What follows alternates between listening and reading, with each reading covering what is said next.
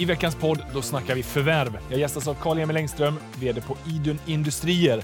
Vi pratar vad är egentligen ett bra bolag? Hur genomför man förvärv? Och inte minst, vart är Idun om tio år enligt Carl-Emil? Allt det här och mycket mer, det snackar vi om och nu kör vi igång. Jag säger hjärtligt välkomna till Sparpodden denna vecka. Då ska vi prata om Idun Industrier. Jag sitter nämligen här med Emil, Carl-Emil Engström. Välkommen! Stort tack, kul att vara här. Du, eh, kul att ha dig här. Du är ju VD för Idun Industrier. I min bok så är ni en sån här serieförvärvare. Skulle, titulerar ni er själva som det? Eller vad kallar ni er?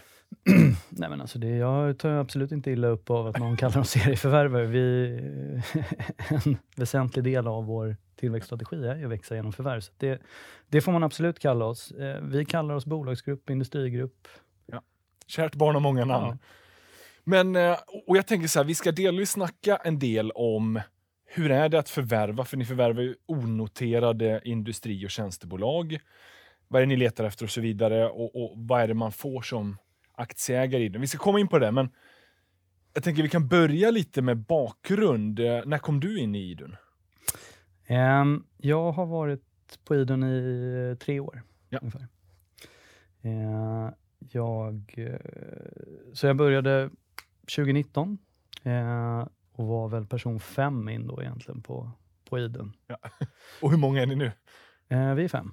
Okej, nu fem. Så du är jag är sist in, kan man säga. Du är fortfarande nyast. Jag är nyast på jobbet, det är helt riktigt. Ja. Det är, eh, ni är inte så många då, nej. Men det är klart att alla era dotterbolag, där är det fortfarande i mångt och mycket samma entreprenörer som driver de där firmorna. Centralt är vi inte så många, nej. men alltså kollar man på, på gruppnivå så har vi ju massor med kollegor. Vi har ju 600 kollegor eller någonting. Så det, det, det, finns ingen brist på, på kollegor i, i den, det tycker jag inte. Just det. Men eh, tre år sedan du hoppade in, vet du eh, när grundades Idun och lite så här, vad, vad var fröet som planterade mm. idén?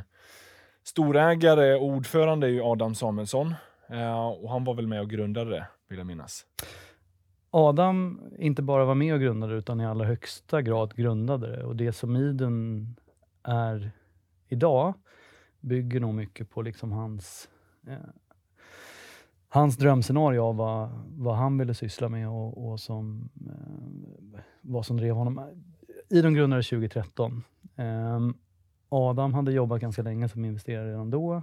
Eh, jag tror att det, det, är vanligt när man jobbar som investerare, eller kanske egentligen när man jobbar med vad som. Att allt eftersom tiden går så, så hittar man liksom sin egen eh, ideala bild av vad man vill hålla på med. Vad, liksom, vad är det som driver mig? Vad är, det, vad är viktigt? Um, vilken typ av investeringar vill jag göra? Vilken typ av bolag och på, på vilket sätt? så att säga. Och är man inte är man inte kanske i en miljö där det liksom stämmer hundraprocentigt då med, med de förutsättningar som finns, då är det väl kanske rimligt att man söker sig till en miljö där, det, där de förutsättningarna finns. Och för Adam så blev väl det helt enkelt att starta i den industrier. Så det gjorde han 2013.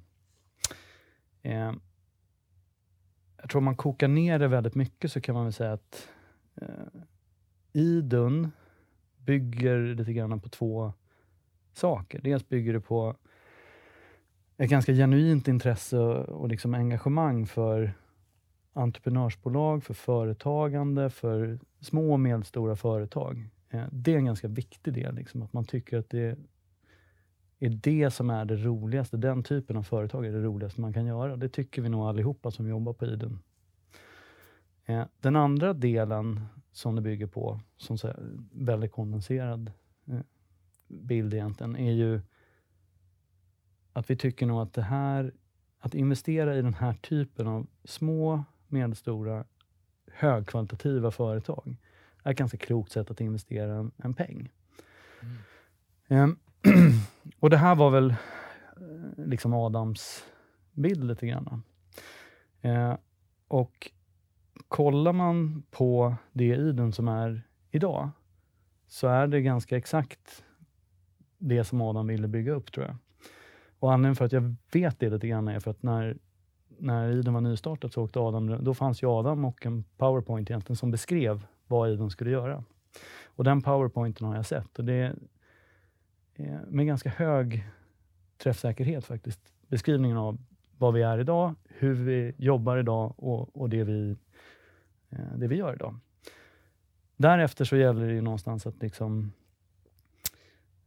bygga upp det med personer som delar den här, som också har den så att säga, sinnesbilden av att det här är faktiskt det roligaste man kan göra. Eh,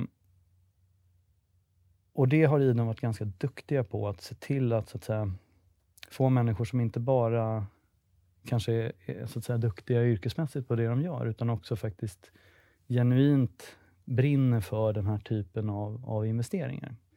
Och Det naturliga sättet att leta då blir ofta att man letar i sina egna nätverk. Ja, just det. Eh, så Jonas då, som är investeringschef på Idun idag, som var den första anställda, han kom in egentligen redan på powerpoint-nivån. Det fanns inga bolag, det fanns ingen resultaträkning. Det fanns möjligtvis en balansräkning på plats. Då. Eh, han pluggade tillsammans med Adams svåger. Eh, så när Adam skulle bygga upp det här så, så pratade han runt och försökte hitta folk som liksom, vem skulle passa i, för att arbeta i den här miljön.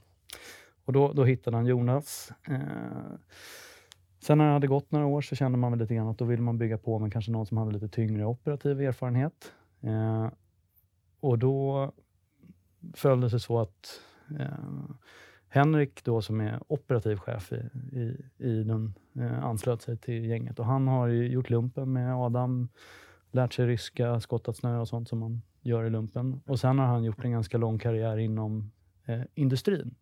Ah, okay. eh, varit landschef, VD för, för ett gäng olika liksom, industriella bolag. Och, och, under den resan också varit med och förvärvat en hel del, kanske lite mindre företag. Då. Så han passade väldigt väl in och drivs också av samma liksom, eh, engagemang för, för den här typen av företagande och små och medelstora företag. Då. Eh, sen snurrar man fram klockan ytterligare några år, då, fyra år sedan kanske. Då kände man väl kanske att man, gruppen hade växt, det hade kommit till lite fler bolag. Man hade väl kanske behov av att styra upp även så att säga, den finansiella och ekonomiska sidan av det hela. Då behövde man anställa en CFO och då kommer den här svågen in igen. Då, för att det är ju Oskar då som är hon, är hon CFO i, i den idag. Och sen slutligen då, så för tre år sedan så, så kommer jag med i bilden. Och, eh, min koppling är att jag har följt Iden egentligen sedan Iden grundades genom att jag eh, har jobbat ihop tidigare med Jonas då, som var den första anställda. Så vi, vi är ett ganska tajt team. Eh, ja. eh, och framförallt så vi har gjort lite olika grejer, vi har lite olika bakgrunder, men vi delar väldigt mycket den här eh, visionen om vilken typ av företag är det vi vill jobba med och hur vill vi, hur vi vill jobba med de här företagen och hur vill vi göra affärer. Just det. Otroligt intressant och jag tänker som om man är en investerare i Idun, det man får då är ju eran förmåga att hitta de här bolagen, bygga en grupp av dem och sen både låta dem vara sina autonoma enheter, men också hjälpa dem att kanske se om man kan skapa viss organisk tillväxt. För det finns ju den här möjligheten för den att växa både organiskt men framförallt med förvärv. Eh, och Det låter som att ni är ett väldigt tajt sammansvetsat team som ska lösa allt ifrån att investera till att hitta bolag till att hjälpa, supporta, stötta och, och utveckla det som, det som finns. Hinner ni med allt det då? För ju mer ni växer, ju fler bolag ni stoppar på, då, då måste ju ni behöva mer kapacitet också, eller? Hur, hur mycket låter ni bolagen vara självgående? alltså, vi har en eh, ganska mycket, ska man säga, eller väldigt mycket ska man säga. Eh, vi är aktiva ägare, vi är aldrig operativa i bolagen. Eh, vi tror ju väldigt mycket på att ehm, ledningen i de bolag, de som faktiskt är närmast kunder, de som är närmast leverantörer, de som kan sin marknad och de som faktiskt är ansvariga för utvecklingen i bolaget vi tror mycket på att de ska ha både så att säga, mandatet att köra firman och, och driva utvecklingen, eh, men också friheten som det innebär. Och för oss så handlar det ju mycket om, vi tror ju mycket på pilotskolan, vi tror mycket på att ett delägarskap bland de som faktiskt har störst möjlighet att påverka utvecklingen, Ja. är ett ganska klokt sätt att, att få till både eh, naturligtvis gemensamma incitament för de här personerna, men också eh, upplever vi det som att det, det ökar riskmedvetenheten och det ökar också eh, kanske kvaliteten och hastigheten i de beslut som, och de åtgärder som fattas i, i, i bolagen. Ja, för det här är en sån sak jag gärna vill diskutera med dig. Eh, för man kan ju ändå kalla att ni har en del branschkollegor som är andra liksom, förvärvsbolag som också köper Mm. industribolag. Sådär. Men det som känns som det skiljer er är att ni köper allt som oftast mindre än 90 procent Mm. av de underliggande bolagen. Ni har väl över ett bräde någonstans mellan 70 till 90 procent ägandeskap i de underliggande. Och det är väl det du menar med pilotskolan då, att Ja. entreprenören faktiskt får behålla 10 till 30 procent. Mm. Så att den också känner. Men, eh, varför kör ni den modellen? Är det av just incitament? Eh, eh, för det finns ju också såna här koncernegenskaper liksom, egenskaper som ni kanske inte alltid får del av då, beroende på vilken ägarposition. Ni har inte så att ni bara kan liksom besluta rakt av. Har man 90 procent kan man ju alltid tvångsinlösa de sista 10, så att säga. Så att, men det är kanske inte den sitsen ni vill landa i heller.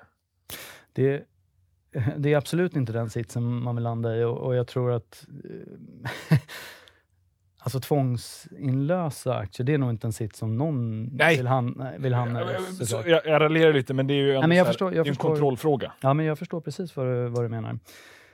Eh, för oss, och det är, inte allt, det är ofta så att entreprenörerna har kvar en ganska stor andel. Eh, det behöver inte vara så.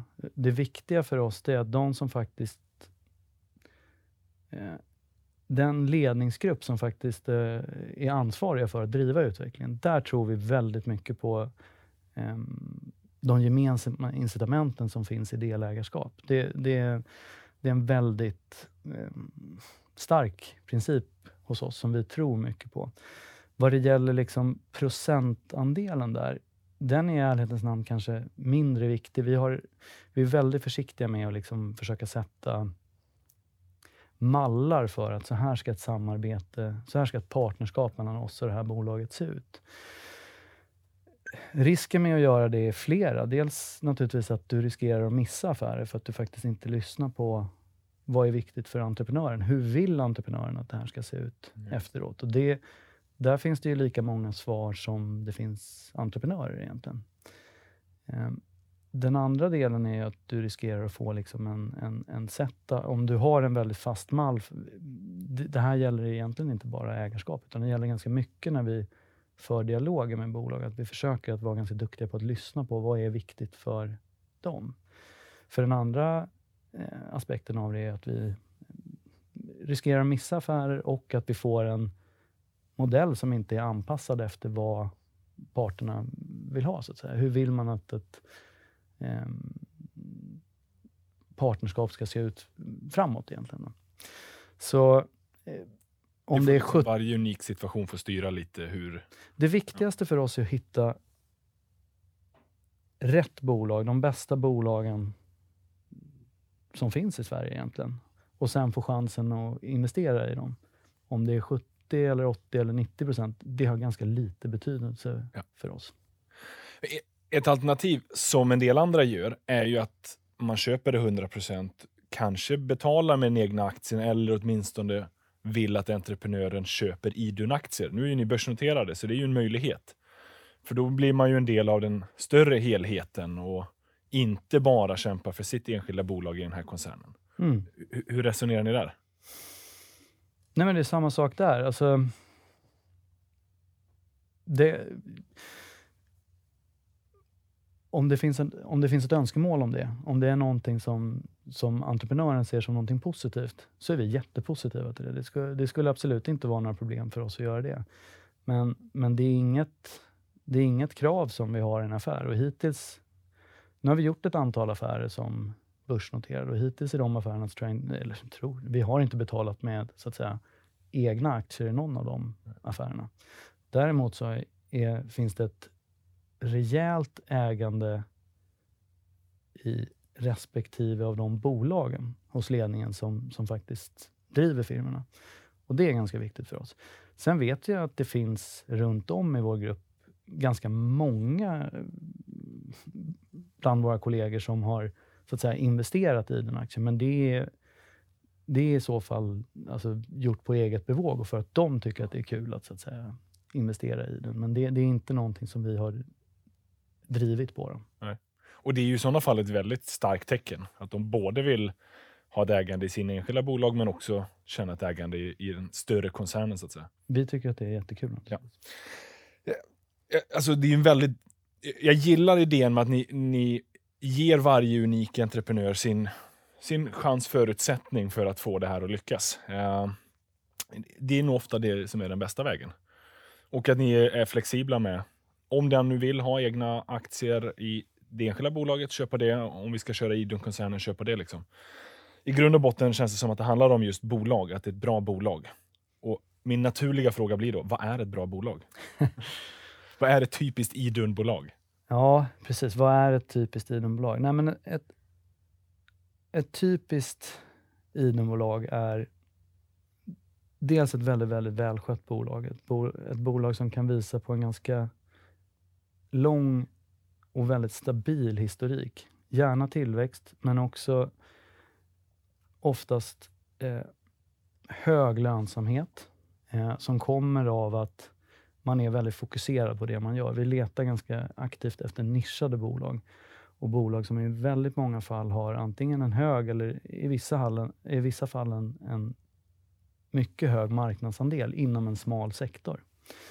Eh, det är bolag som eh, eh, det är bolag som har så att säga, visat att eh, man genom att erbjuda någonting lite unikt på marknaden har kunnat så att säga, skapa en position som gärna får liksom vara ganska svår att ta sig in på, vilket ofta, ofta blir om du har en stark position i en, i en liten marknad. Sen är det lite viktigt för oss att alla det finns nog fler bolag än, än de vi investerar i som så att säga, möter de kriterierna. Det finns otroligt mycket väldigt fina, väldigt välskötta kvalitetsbolag i Sverige. Alla de passar inte i den, för ett annat ganska viktigt kriterium för oss, det är att vi faktiskt, åtminstone med en viss ansträngning, har en möjlighet att liksom faktiskt förstå eh, bolaget, kunden och den marknad som det bolaget är, är eh, verksam på. Annars, riskerar, annars blir risken ganska hög att vi gör fel investering och vi är också en mycket sämre ägarpartner mot det bolaget efter att vi, vi har investerat i. Så ni måste själva liksom kunna förstå ja. bolaget för att för, för de får ändå liksom som sagt drivas helt enskilt eh, och sådär. Men, men ni måste kunna förstå, för vilken funktion fyller det? Vad, vad sätter ni er in och vad gör ni i sådana fall sen ni blir ägare? Eller? Alltså drivas hel, helt enskilt, bara så att det inte finns någon eh, missuppfattning där kring vad det innebär. Vi är i allra högsta grad en, en aktiv ägarpartner. Det är bara det att vi lägger oss ganska lite i det operativa. Så, det, så som vi ser på vårt eh, jobb som ägare och som ägarpartner till, till de här entreprenörerna, det är ju någonstans att ett, det första, största jobbet vi har, det är naturligtvis att investera i rätt företag. Sen handlar det väldigt mycket om att vi ska se till att det finns rätt resurser i de här bolagen. Ja, eh, och resurserna handlar ofta, det, det kan vara alltså, ekonomiska resurser för att driva en viss utveckling, men oftast handlar det om att se till att det är rätt människor på rätt plats som har rätt incitament. I, i vår värld, delägande det man, det man driver. Eh, hur vi jobbar mot bolagen, det är vi sitter i princip i alla fall eh, två personer från IDEN i respektive gruppbolagsstyrelse. Vi har ett aktivt styrelsearbete och vi har ett så att säga, aktivt strategiarbete i de här bolagen. Och Där handlar det inte om att vi på IDEN tror att vi har någon liksom magisk modell som säger att så här utvecklar man ett bolag framåt. Idéerna kring vad är det vi ska göra i den gemensamma framtiden, det, det kommer i de allra flesta fall, ibland så kommer väl en bra idé från oss också. Det, det, det händer väl. Men nästan alltid... komma ifrån bolaget? Oftast kommer de från bolagen. Det vi är ganska bra på att kanske stötta där, det är att försöka hjälpa till att prioritera bland de här. Vad, vi tror ganska mycket på att man fokuserar och inte försöker göra alla saker samtidigt när vi jobbar med bolagen. Utan att man faktiskt väljer ut det som har det, det viktigaste och det som har så att säga, bäst möjligheter att ge effekt. Ja. Och så betar man av den, det för, eh, Ja. Över tid. Och eh, det, man är lite nyfiken på är ju, eh, men när du säger ett bra bolag, kvalitetsbolag och det ska vara lönsamt och sådär. Vi, vi kan ju ta ett exempel. Eh, det senaste förvärvet som ni gjorde var ju eh, 2B Best Business. Yes. Intressant namn. Ja, Men, och jag vet inte vad den här 2B, om det är bara Best Business det står för. Oavsett, inte så långt från där jag kommer ifrån. Anderstorp har de väl kontor vill jag minnas. jajamän. Ja. Helt riktigt. Jag bor på andra sidan, eh, eller bor, kommer ifrån regionsgränsen i Västra Götaland, Tranemo med mera. Så det är inte så Ja, långt från. nej. Oavsett, eh, men de här har 130 miljoner i omsättning. När du säger tillväxt, vad, är det för tillväxt ni letar efter? För det här är ju inte bolag som vanligtvis växer med 50% i omsättning, utan det, det kan ju vara liksom ganska låga ensiffriga tal. Men att det finns i alla fall någon tillväxt där. Eh, eller är det ett krav? Det kan ju vara en stabil också. Absolut. Eh, jag, eh, så här. Vi...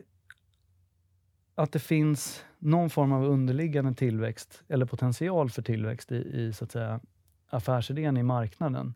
Det tror jag. Vi skulle ju... Jag ska inte säga aldrig, vi är ganska försiktiga med att vara dogmatiska, men det ska vara väldigt speciella omständigheter för att vi ska investera i en sektor eh, som vi bedömer är så att säga på avtagande. Att här, här finns inte en potential för tillväxt framåt. Någonstans måste det finnas en underliggande tillväxt i systemet, annars tappar det ju relativt sett. Ehm, Men det är typ tillväxt med BNP ni räknar med. kollar man... Nja, kanske något. Vi, vi gjorde ju i samband med noteringen så gjorde vi ju en, en genomlysning över så att säga, hela portföljen så som den såg, såg ut då. Vi kollade över en tioårig tidsperiod. Eh, och då såg man att den genomsnittliga tillväxten per år, och det spelade egentligen ingen roll om du kollade på omsättning eller om du kollade på lönsamhet i bitar, var ungefär 5% per år. Och det är ju lite högre än den, den genomsnittliga tillväxten. Eh, och det är ju trots att det är så att säga ganska stabila, ganska mogna, ganska välskötta bolag. Och anledningen till att jag tror det, det är för att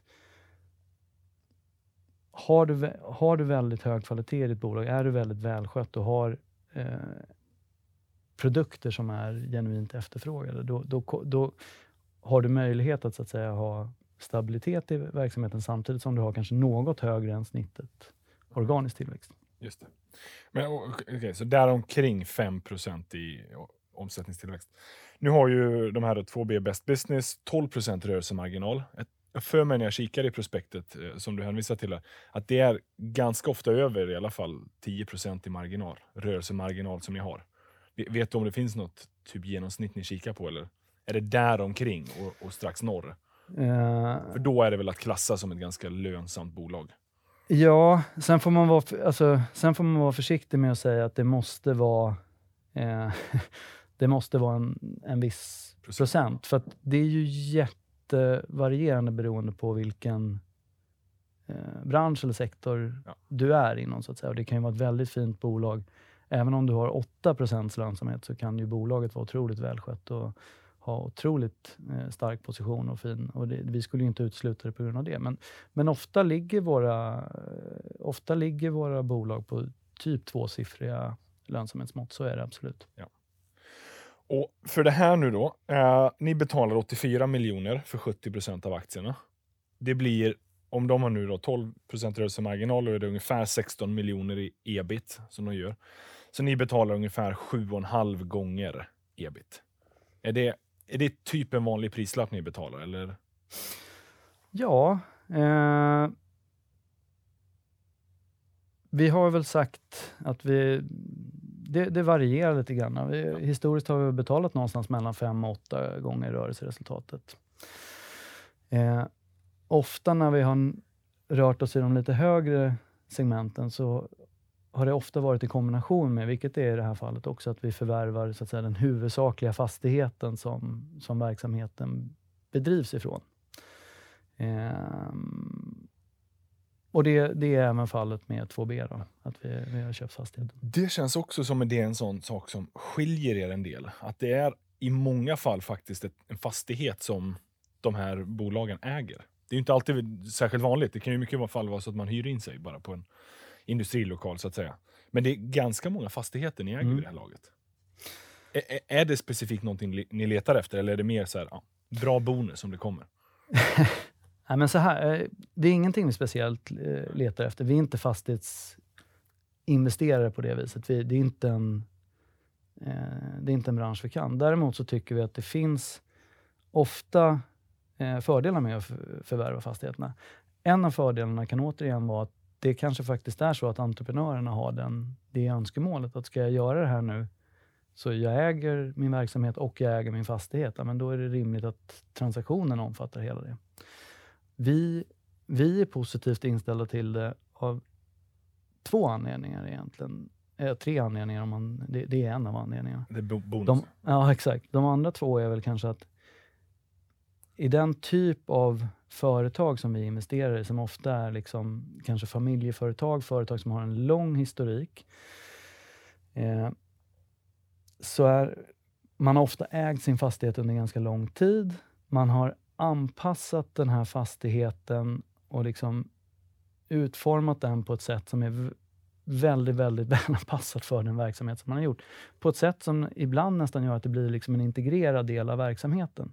Och då ser vi det som en ganska stor Alltså vi ser det nästan som en inträdesbarriär att faktiskt också kontrollera fastigheten för den, ja. eh, för den verksamheten. Exempelvis, ett, ett ganska bra exempel på det tycker jag är vår, eh, vår firma Sjöberg Workbenches. De gör snickarbänkar, slöjdbänkar bland annat. Det är en eh, träindustri eh, där man har en väldigt, väldigt dominerande ställning eh, inom sin, eh, sin nisch. Eh, och det här är ju ett bolag som har funnits i hundra år.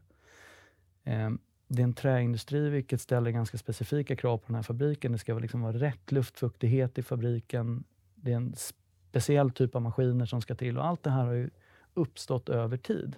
Det blir ju ganska dyrt och knepigt för någon som vill komma in och ta en position på den här marknaden som kanske inte är gigantisk till att börja med. Och sen ska du också lägga ganska mycket pengar på att liksom investera upp en sån här fabrik som finns på Sjöberg. Och på det viset så kan, den, så kan det finnas en, en, en, riskminimering med att äga sina egna fastigheter. Det är en del av deras konkurrensfördel? Att ja, har... det, kan, det kan vara det. Ja. En del av det. Men, men sen är det också, för, jag tänkte att det kan finnas vissa finansiella fördelar med en fastighet, att det finns lite mer säkerheter i det, för ni har ju delvis bankfinansiering, obligationsfinansiering, att det faktiskt kan stärka era finansiella position. Märker ni att det är en sån sak investerare efterfrågar? Eller? Ja, absolut. Det, det kan man väl säga har varit en, en bra bonus av det. Det tror jag absolut att är du till exempel en obligationsinvesterare, om man kollar på den, så tror jag att det är en, en faktor som är positiv för den typen av investerare, att det faktiskt finns någon form av realtillgångar i vår balansräkning som går att ta på. Just det. Och, och jag tänkte vi ska återkomma till sen hur många förvärv och hur ni betalar för dem och sådär. Eh, men in, bara så vi stänger det här bolaget. Om tre år sedan så skrev ni i alla fall i pressmeddelandet att det finns en möjlighet för Idun att köpa de sista 30 procenten. Brukar det vanligtvis vara så att ni har någon, liksom så här, efter en tid sen så ser vi gärna att vi får äga hela bolaget? Eller? Eh, så här, det, det, är ganska vanligt att det finns reglerat hur vi ska... Hur, alltså, ja, vad sker när ni inte vill vara eh, ägarpartner till oss ja, längre? Eh, sen kan jag säga att det har nog aldrig skett att vi har så att säga... Det är själv, vi har ju en, vad vi tycker är en väldigt, väldigt fin portfölj av riktigt liksom, bra bolag som vi är väldigt, väldigt stolta över. Och, eh, många kanske skulle hävda att det rent liksom finansiellt i någon mån skulle då vara ett klokt val att, så att säga, försöka förvärva eh, mer av de bolagen eller äga hela de bolagen. Vi ser det absolut inte så, utan vi ser det som en stor fördel att så länge entreprenörer och företagare vill vara med oss och fortsätta vara delägare i det här, så tycker vi att det är en jättefördel för oss att ha det på det viset. Så det behöver inte om tre år vara så att ni köper upp de här sista 30? Utan... Nej, Det får gärna, i den Utan, bästa världen. Alltså, jag kan säga så här, om inte det... När de eh, entreprenörerna som har startat det här bolaget känner att nu, nu är... För det, det är ju ofta så att vi kommer ju in av en, eh, av en anledning. Det måste ju finnas någon... Det, det är välskötta bolag, bolag som har gått bra under ganska lång tid. Ägarna sitter sällan finansiellt i båten, utan de, de har det bra ställt som det är innan. Utan, eh, ofta måste det finnas någon form av anledning till att vi får chansen att komma in som ägarpartner. Och det, är väl inte, det kan vara olika saker. Det finns li, eh, men en inte ovanlig del är ju naturligtvis att det är ett generationsskifte som står för dörren. Och så är det ju i det här fallet. Att, att här finns det ju någon form av, av, eh, av bortre gräns när entreprenörerna inte längre eh, ska driva det. Och det kommer vara drivet av, av dem. Det kommer inte vara drivet av oss. Så att säga. Ja, just det. Generationsskiften eh, kan ju ofta vara fallet. Eh, upplever ni att det i många fall också är det här att ja, men vi vill att det här bolaget ska ta en ny fart? Och vi skulle kunna behöva en Idun med finansiella muskler för att hjälpa oss på den resan. Eller är det ganska ovanligt? För det känns inte riktigt som att den typen av bolag ni har i portföljen har den där tillväxtoptionen om man så vill. det finns flera bolag i vår portfölj som, har, eh, som både har eh, god underliggande organisk tillväxt, men också eh, helt klart potentialen för det. Men, men jag förstår precis vad du menar. Ehm, det, det, är helt, det är helt situationsstyrt egentligen. Jag tror att en del företagare kommer till en nivå när man känner att eh, jag har jag har tagit det till den här nivån. Nu skulle det vara skönt att ta in en ägarpartner för att få, få så att säga, strategisk hjälp att ta det till nästa nivå. Det är en situation. En annan situation är helt enkelt att jag har tagit det hit. Eh, jag, har jag har lagt ner all tid och kraft och möda som jag har, plus att liksom hela min och min familjs förmögenhet sitter liksom knutet i det här bolaget det är klart att det är väl lockande att vid något tillfälle då liksom börja fundera på okay, men när är det, när är det okej för mig att faktiskt göra någon form av riskutväxling här. Ligga kvar med ett ägande men också så att säga, säkra hem en viss del av det. Ja. Ehm, situationerna är liksom någonstans lika många som, som entreprenörerna. Det viktiga, är väl lite att, det viktiga för oss blir lite grann att förstå vad situationen är. Ja, just det. Så att ni har koll på det. Vad, vad är det för typ av bolag vi investerar i och vilka förutsättningar? Ja, Vart de vill. Men hur, hur många förvärv gör ni per år? Eller hur många så här, ha- har ni en målsättning hur många vi ska lasta på i den här koncernen? Eh, nej, eh, vi, har, var, vi har varken en, en målsättning så att säga, som vi kommunicerar och vi, vi har inte heller en målsättning internt. Vi pratar inte i termer av antal förvärv som vi ska göra. Varför inte? För det är ändå så här, i mitt huvud är det ju enkel matematik. Ju, om ni stoppar på fem bolag, då kommer ni växa ebit med så mycket. Stoppar ni på tio bolag kommer ni växa med förmodligen dubbelt så mycket ebit. Ja, Sen finns det ju alltid en finansiell broms där. Ni kan ju bara ha så mycket skuldsättning. Eh, ni måste ha tid att liksom få det här att harmonisera och allt sånt. Men är inte allt annat lika, fler bättre? det viktigaste för oss är att investera i rätt bolag. Ja. Eh, det, eh, vi lägger ner väldigt, väldigt mycket tid, kraft och möda när vi letar bolag, vilka bolag vi kontaktar och, och, och liksom vilka bolag vi faktiskt är intresserade av. Vi har en ganska tydlig liksom bild framför oss, vi, vilka kvaliteter eh, vi uppskattar. Och det, det är det viktigaste. Eh, att vi över tid, vi är ganska riskmedvetna eh, investerare tror jag. Vi är ganska riskfokuserade. Och vi försöker att hela tiden ha liksom det, eh, den förståelsen. Att vi fokuserar hellre på att hela tiden göra rätt investeringar, göra investeringar i de bästa bolagen, eh, snarare än så att säga göra väldigt många investeringar och kanske leta efter liksom den sista kronan i varje affär. Eller så där. Vi tror väldigt mycket på det här med att faktiskt eh, vara ganska noggranna när vi väljer ut bolag. Eh, vi har en ganska proprietär approach till det här, vilket gör att det är en ganska liten minoritet av våra bolag som har varit liksom traditionella processer där vi har fått ett bolag presenterat för oss av en mäklare. Den absoluta majoriteten av våra affärer som vi har gjort har varit affärer som är initierade av oss. Mm. Inte ovanligt, 2B är ett bra exempel på det. Inte ovanligt att det här är bolag som vi har identifierat, som vi har kontaktat, som vi har inlett en, liksom en dialog med, som kan pågå under flera, flera år egentligen. För tajmingen är det, det, är ett ganska arbetsamt sätt att göra affärer på, men vi tror att resultatet av det blir, blir väldigt bra. Um, så att det viktigaste för oss det är att vi hittar och investerar i rätt bolag. Vi har inte, vi har inte ambitionen att, så att säga, göra flest affärer. Vi, vi har ambitionen att göra de bästa affärerna som vi kan göra. Ja. Och Förmodligen kommer ju det vara det bästa på sikt. För jag, jag, jag ville vara lite hård mot dig, men för det är klart att så här, i realiteten så är ju fler bolag bättre, men om de är halvbra investeringar så kommer det ju inte funka på sikt.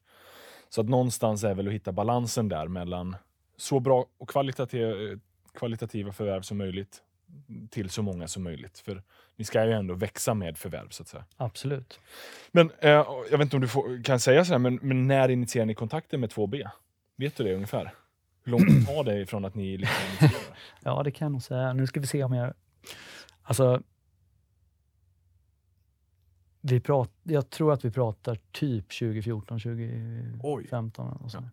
så det, det ligger typ sådär 200 kontakter som ni har med entreprenörer, bolag som ni så har någon diskussion med kanske?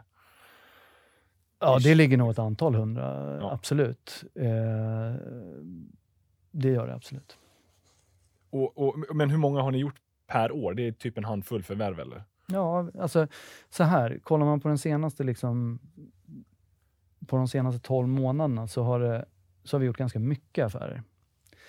Eh, vi har tillträtt fem nya gruppbolag och gjort ett tilläggsförvärv. Det är en ganska hög takt för att vara Idun.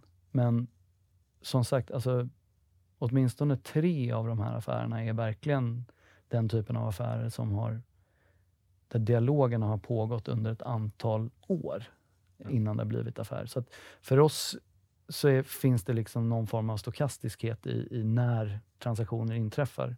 Och det är ju beroende av när uppstår behovet hos den som vi vill göra affär med lite grann. Ja, eh, kollar man historiskt eh, så har vi gjort, säg en, två eh, nya gruppbolag per år och kanske en, två tilläggsförvärv per år. Ungefär i den takten har vi, har vi växt. Ja. Men, uh, det här senaste året och det har varit lite högre tempo. Är det delvis på grund av att, nu är ni ändå börsnoterade, det var en möjlighet, kommer inte ihåg, reste ni kapital i samband med noteringen? Och ja. ni har ju dessutom noterat en obligation här under året. Så att finansiellt sett har ni ju fått mer kapital att kunna förvärva för. Ja. Var det lite syftet med börsnotering kanske? Um, alltså, eh, obligationen noterade vi faktiskt lite drygt ett år innan vi okay. noterade aktien. Ja. Eh, så det blev andra, men det, det, det, stämmer, vi har både en, en obligation och en eh, numera då noterad eh, aktie. Eh, syftet med noteringen var ju flera egentligen.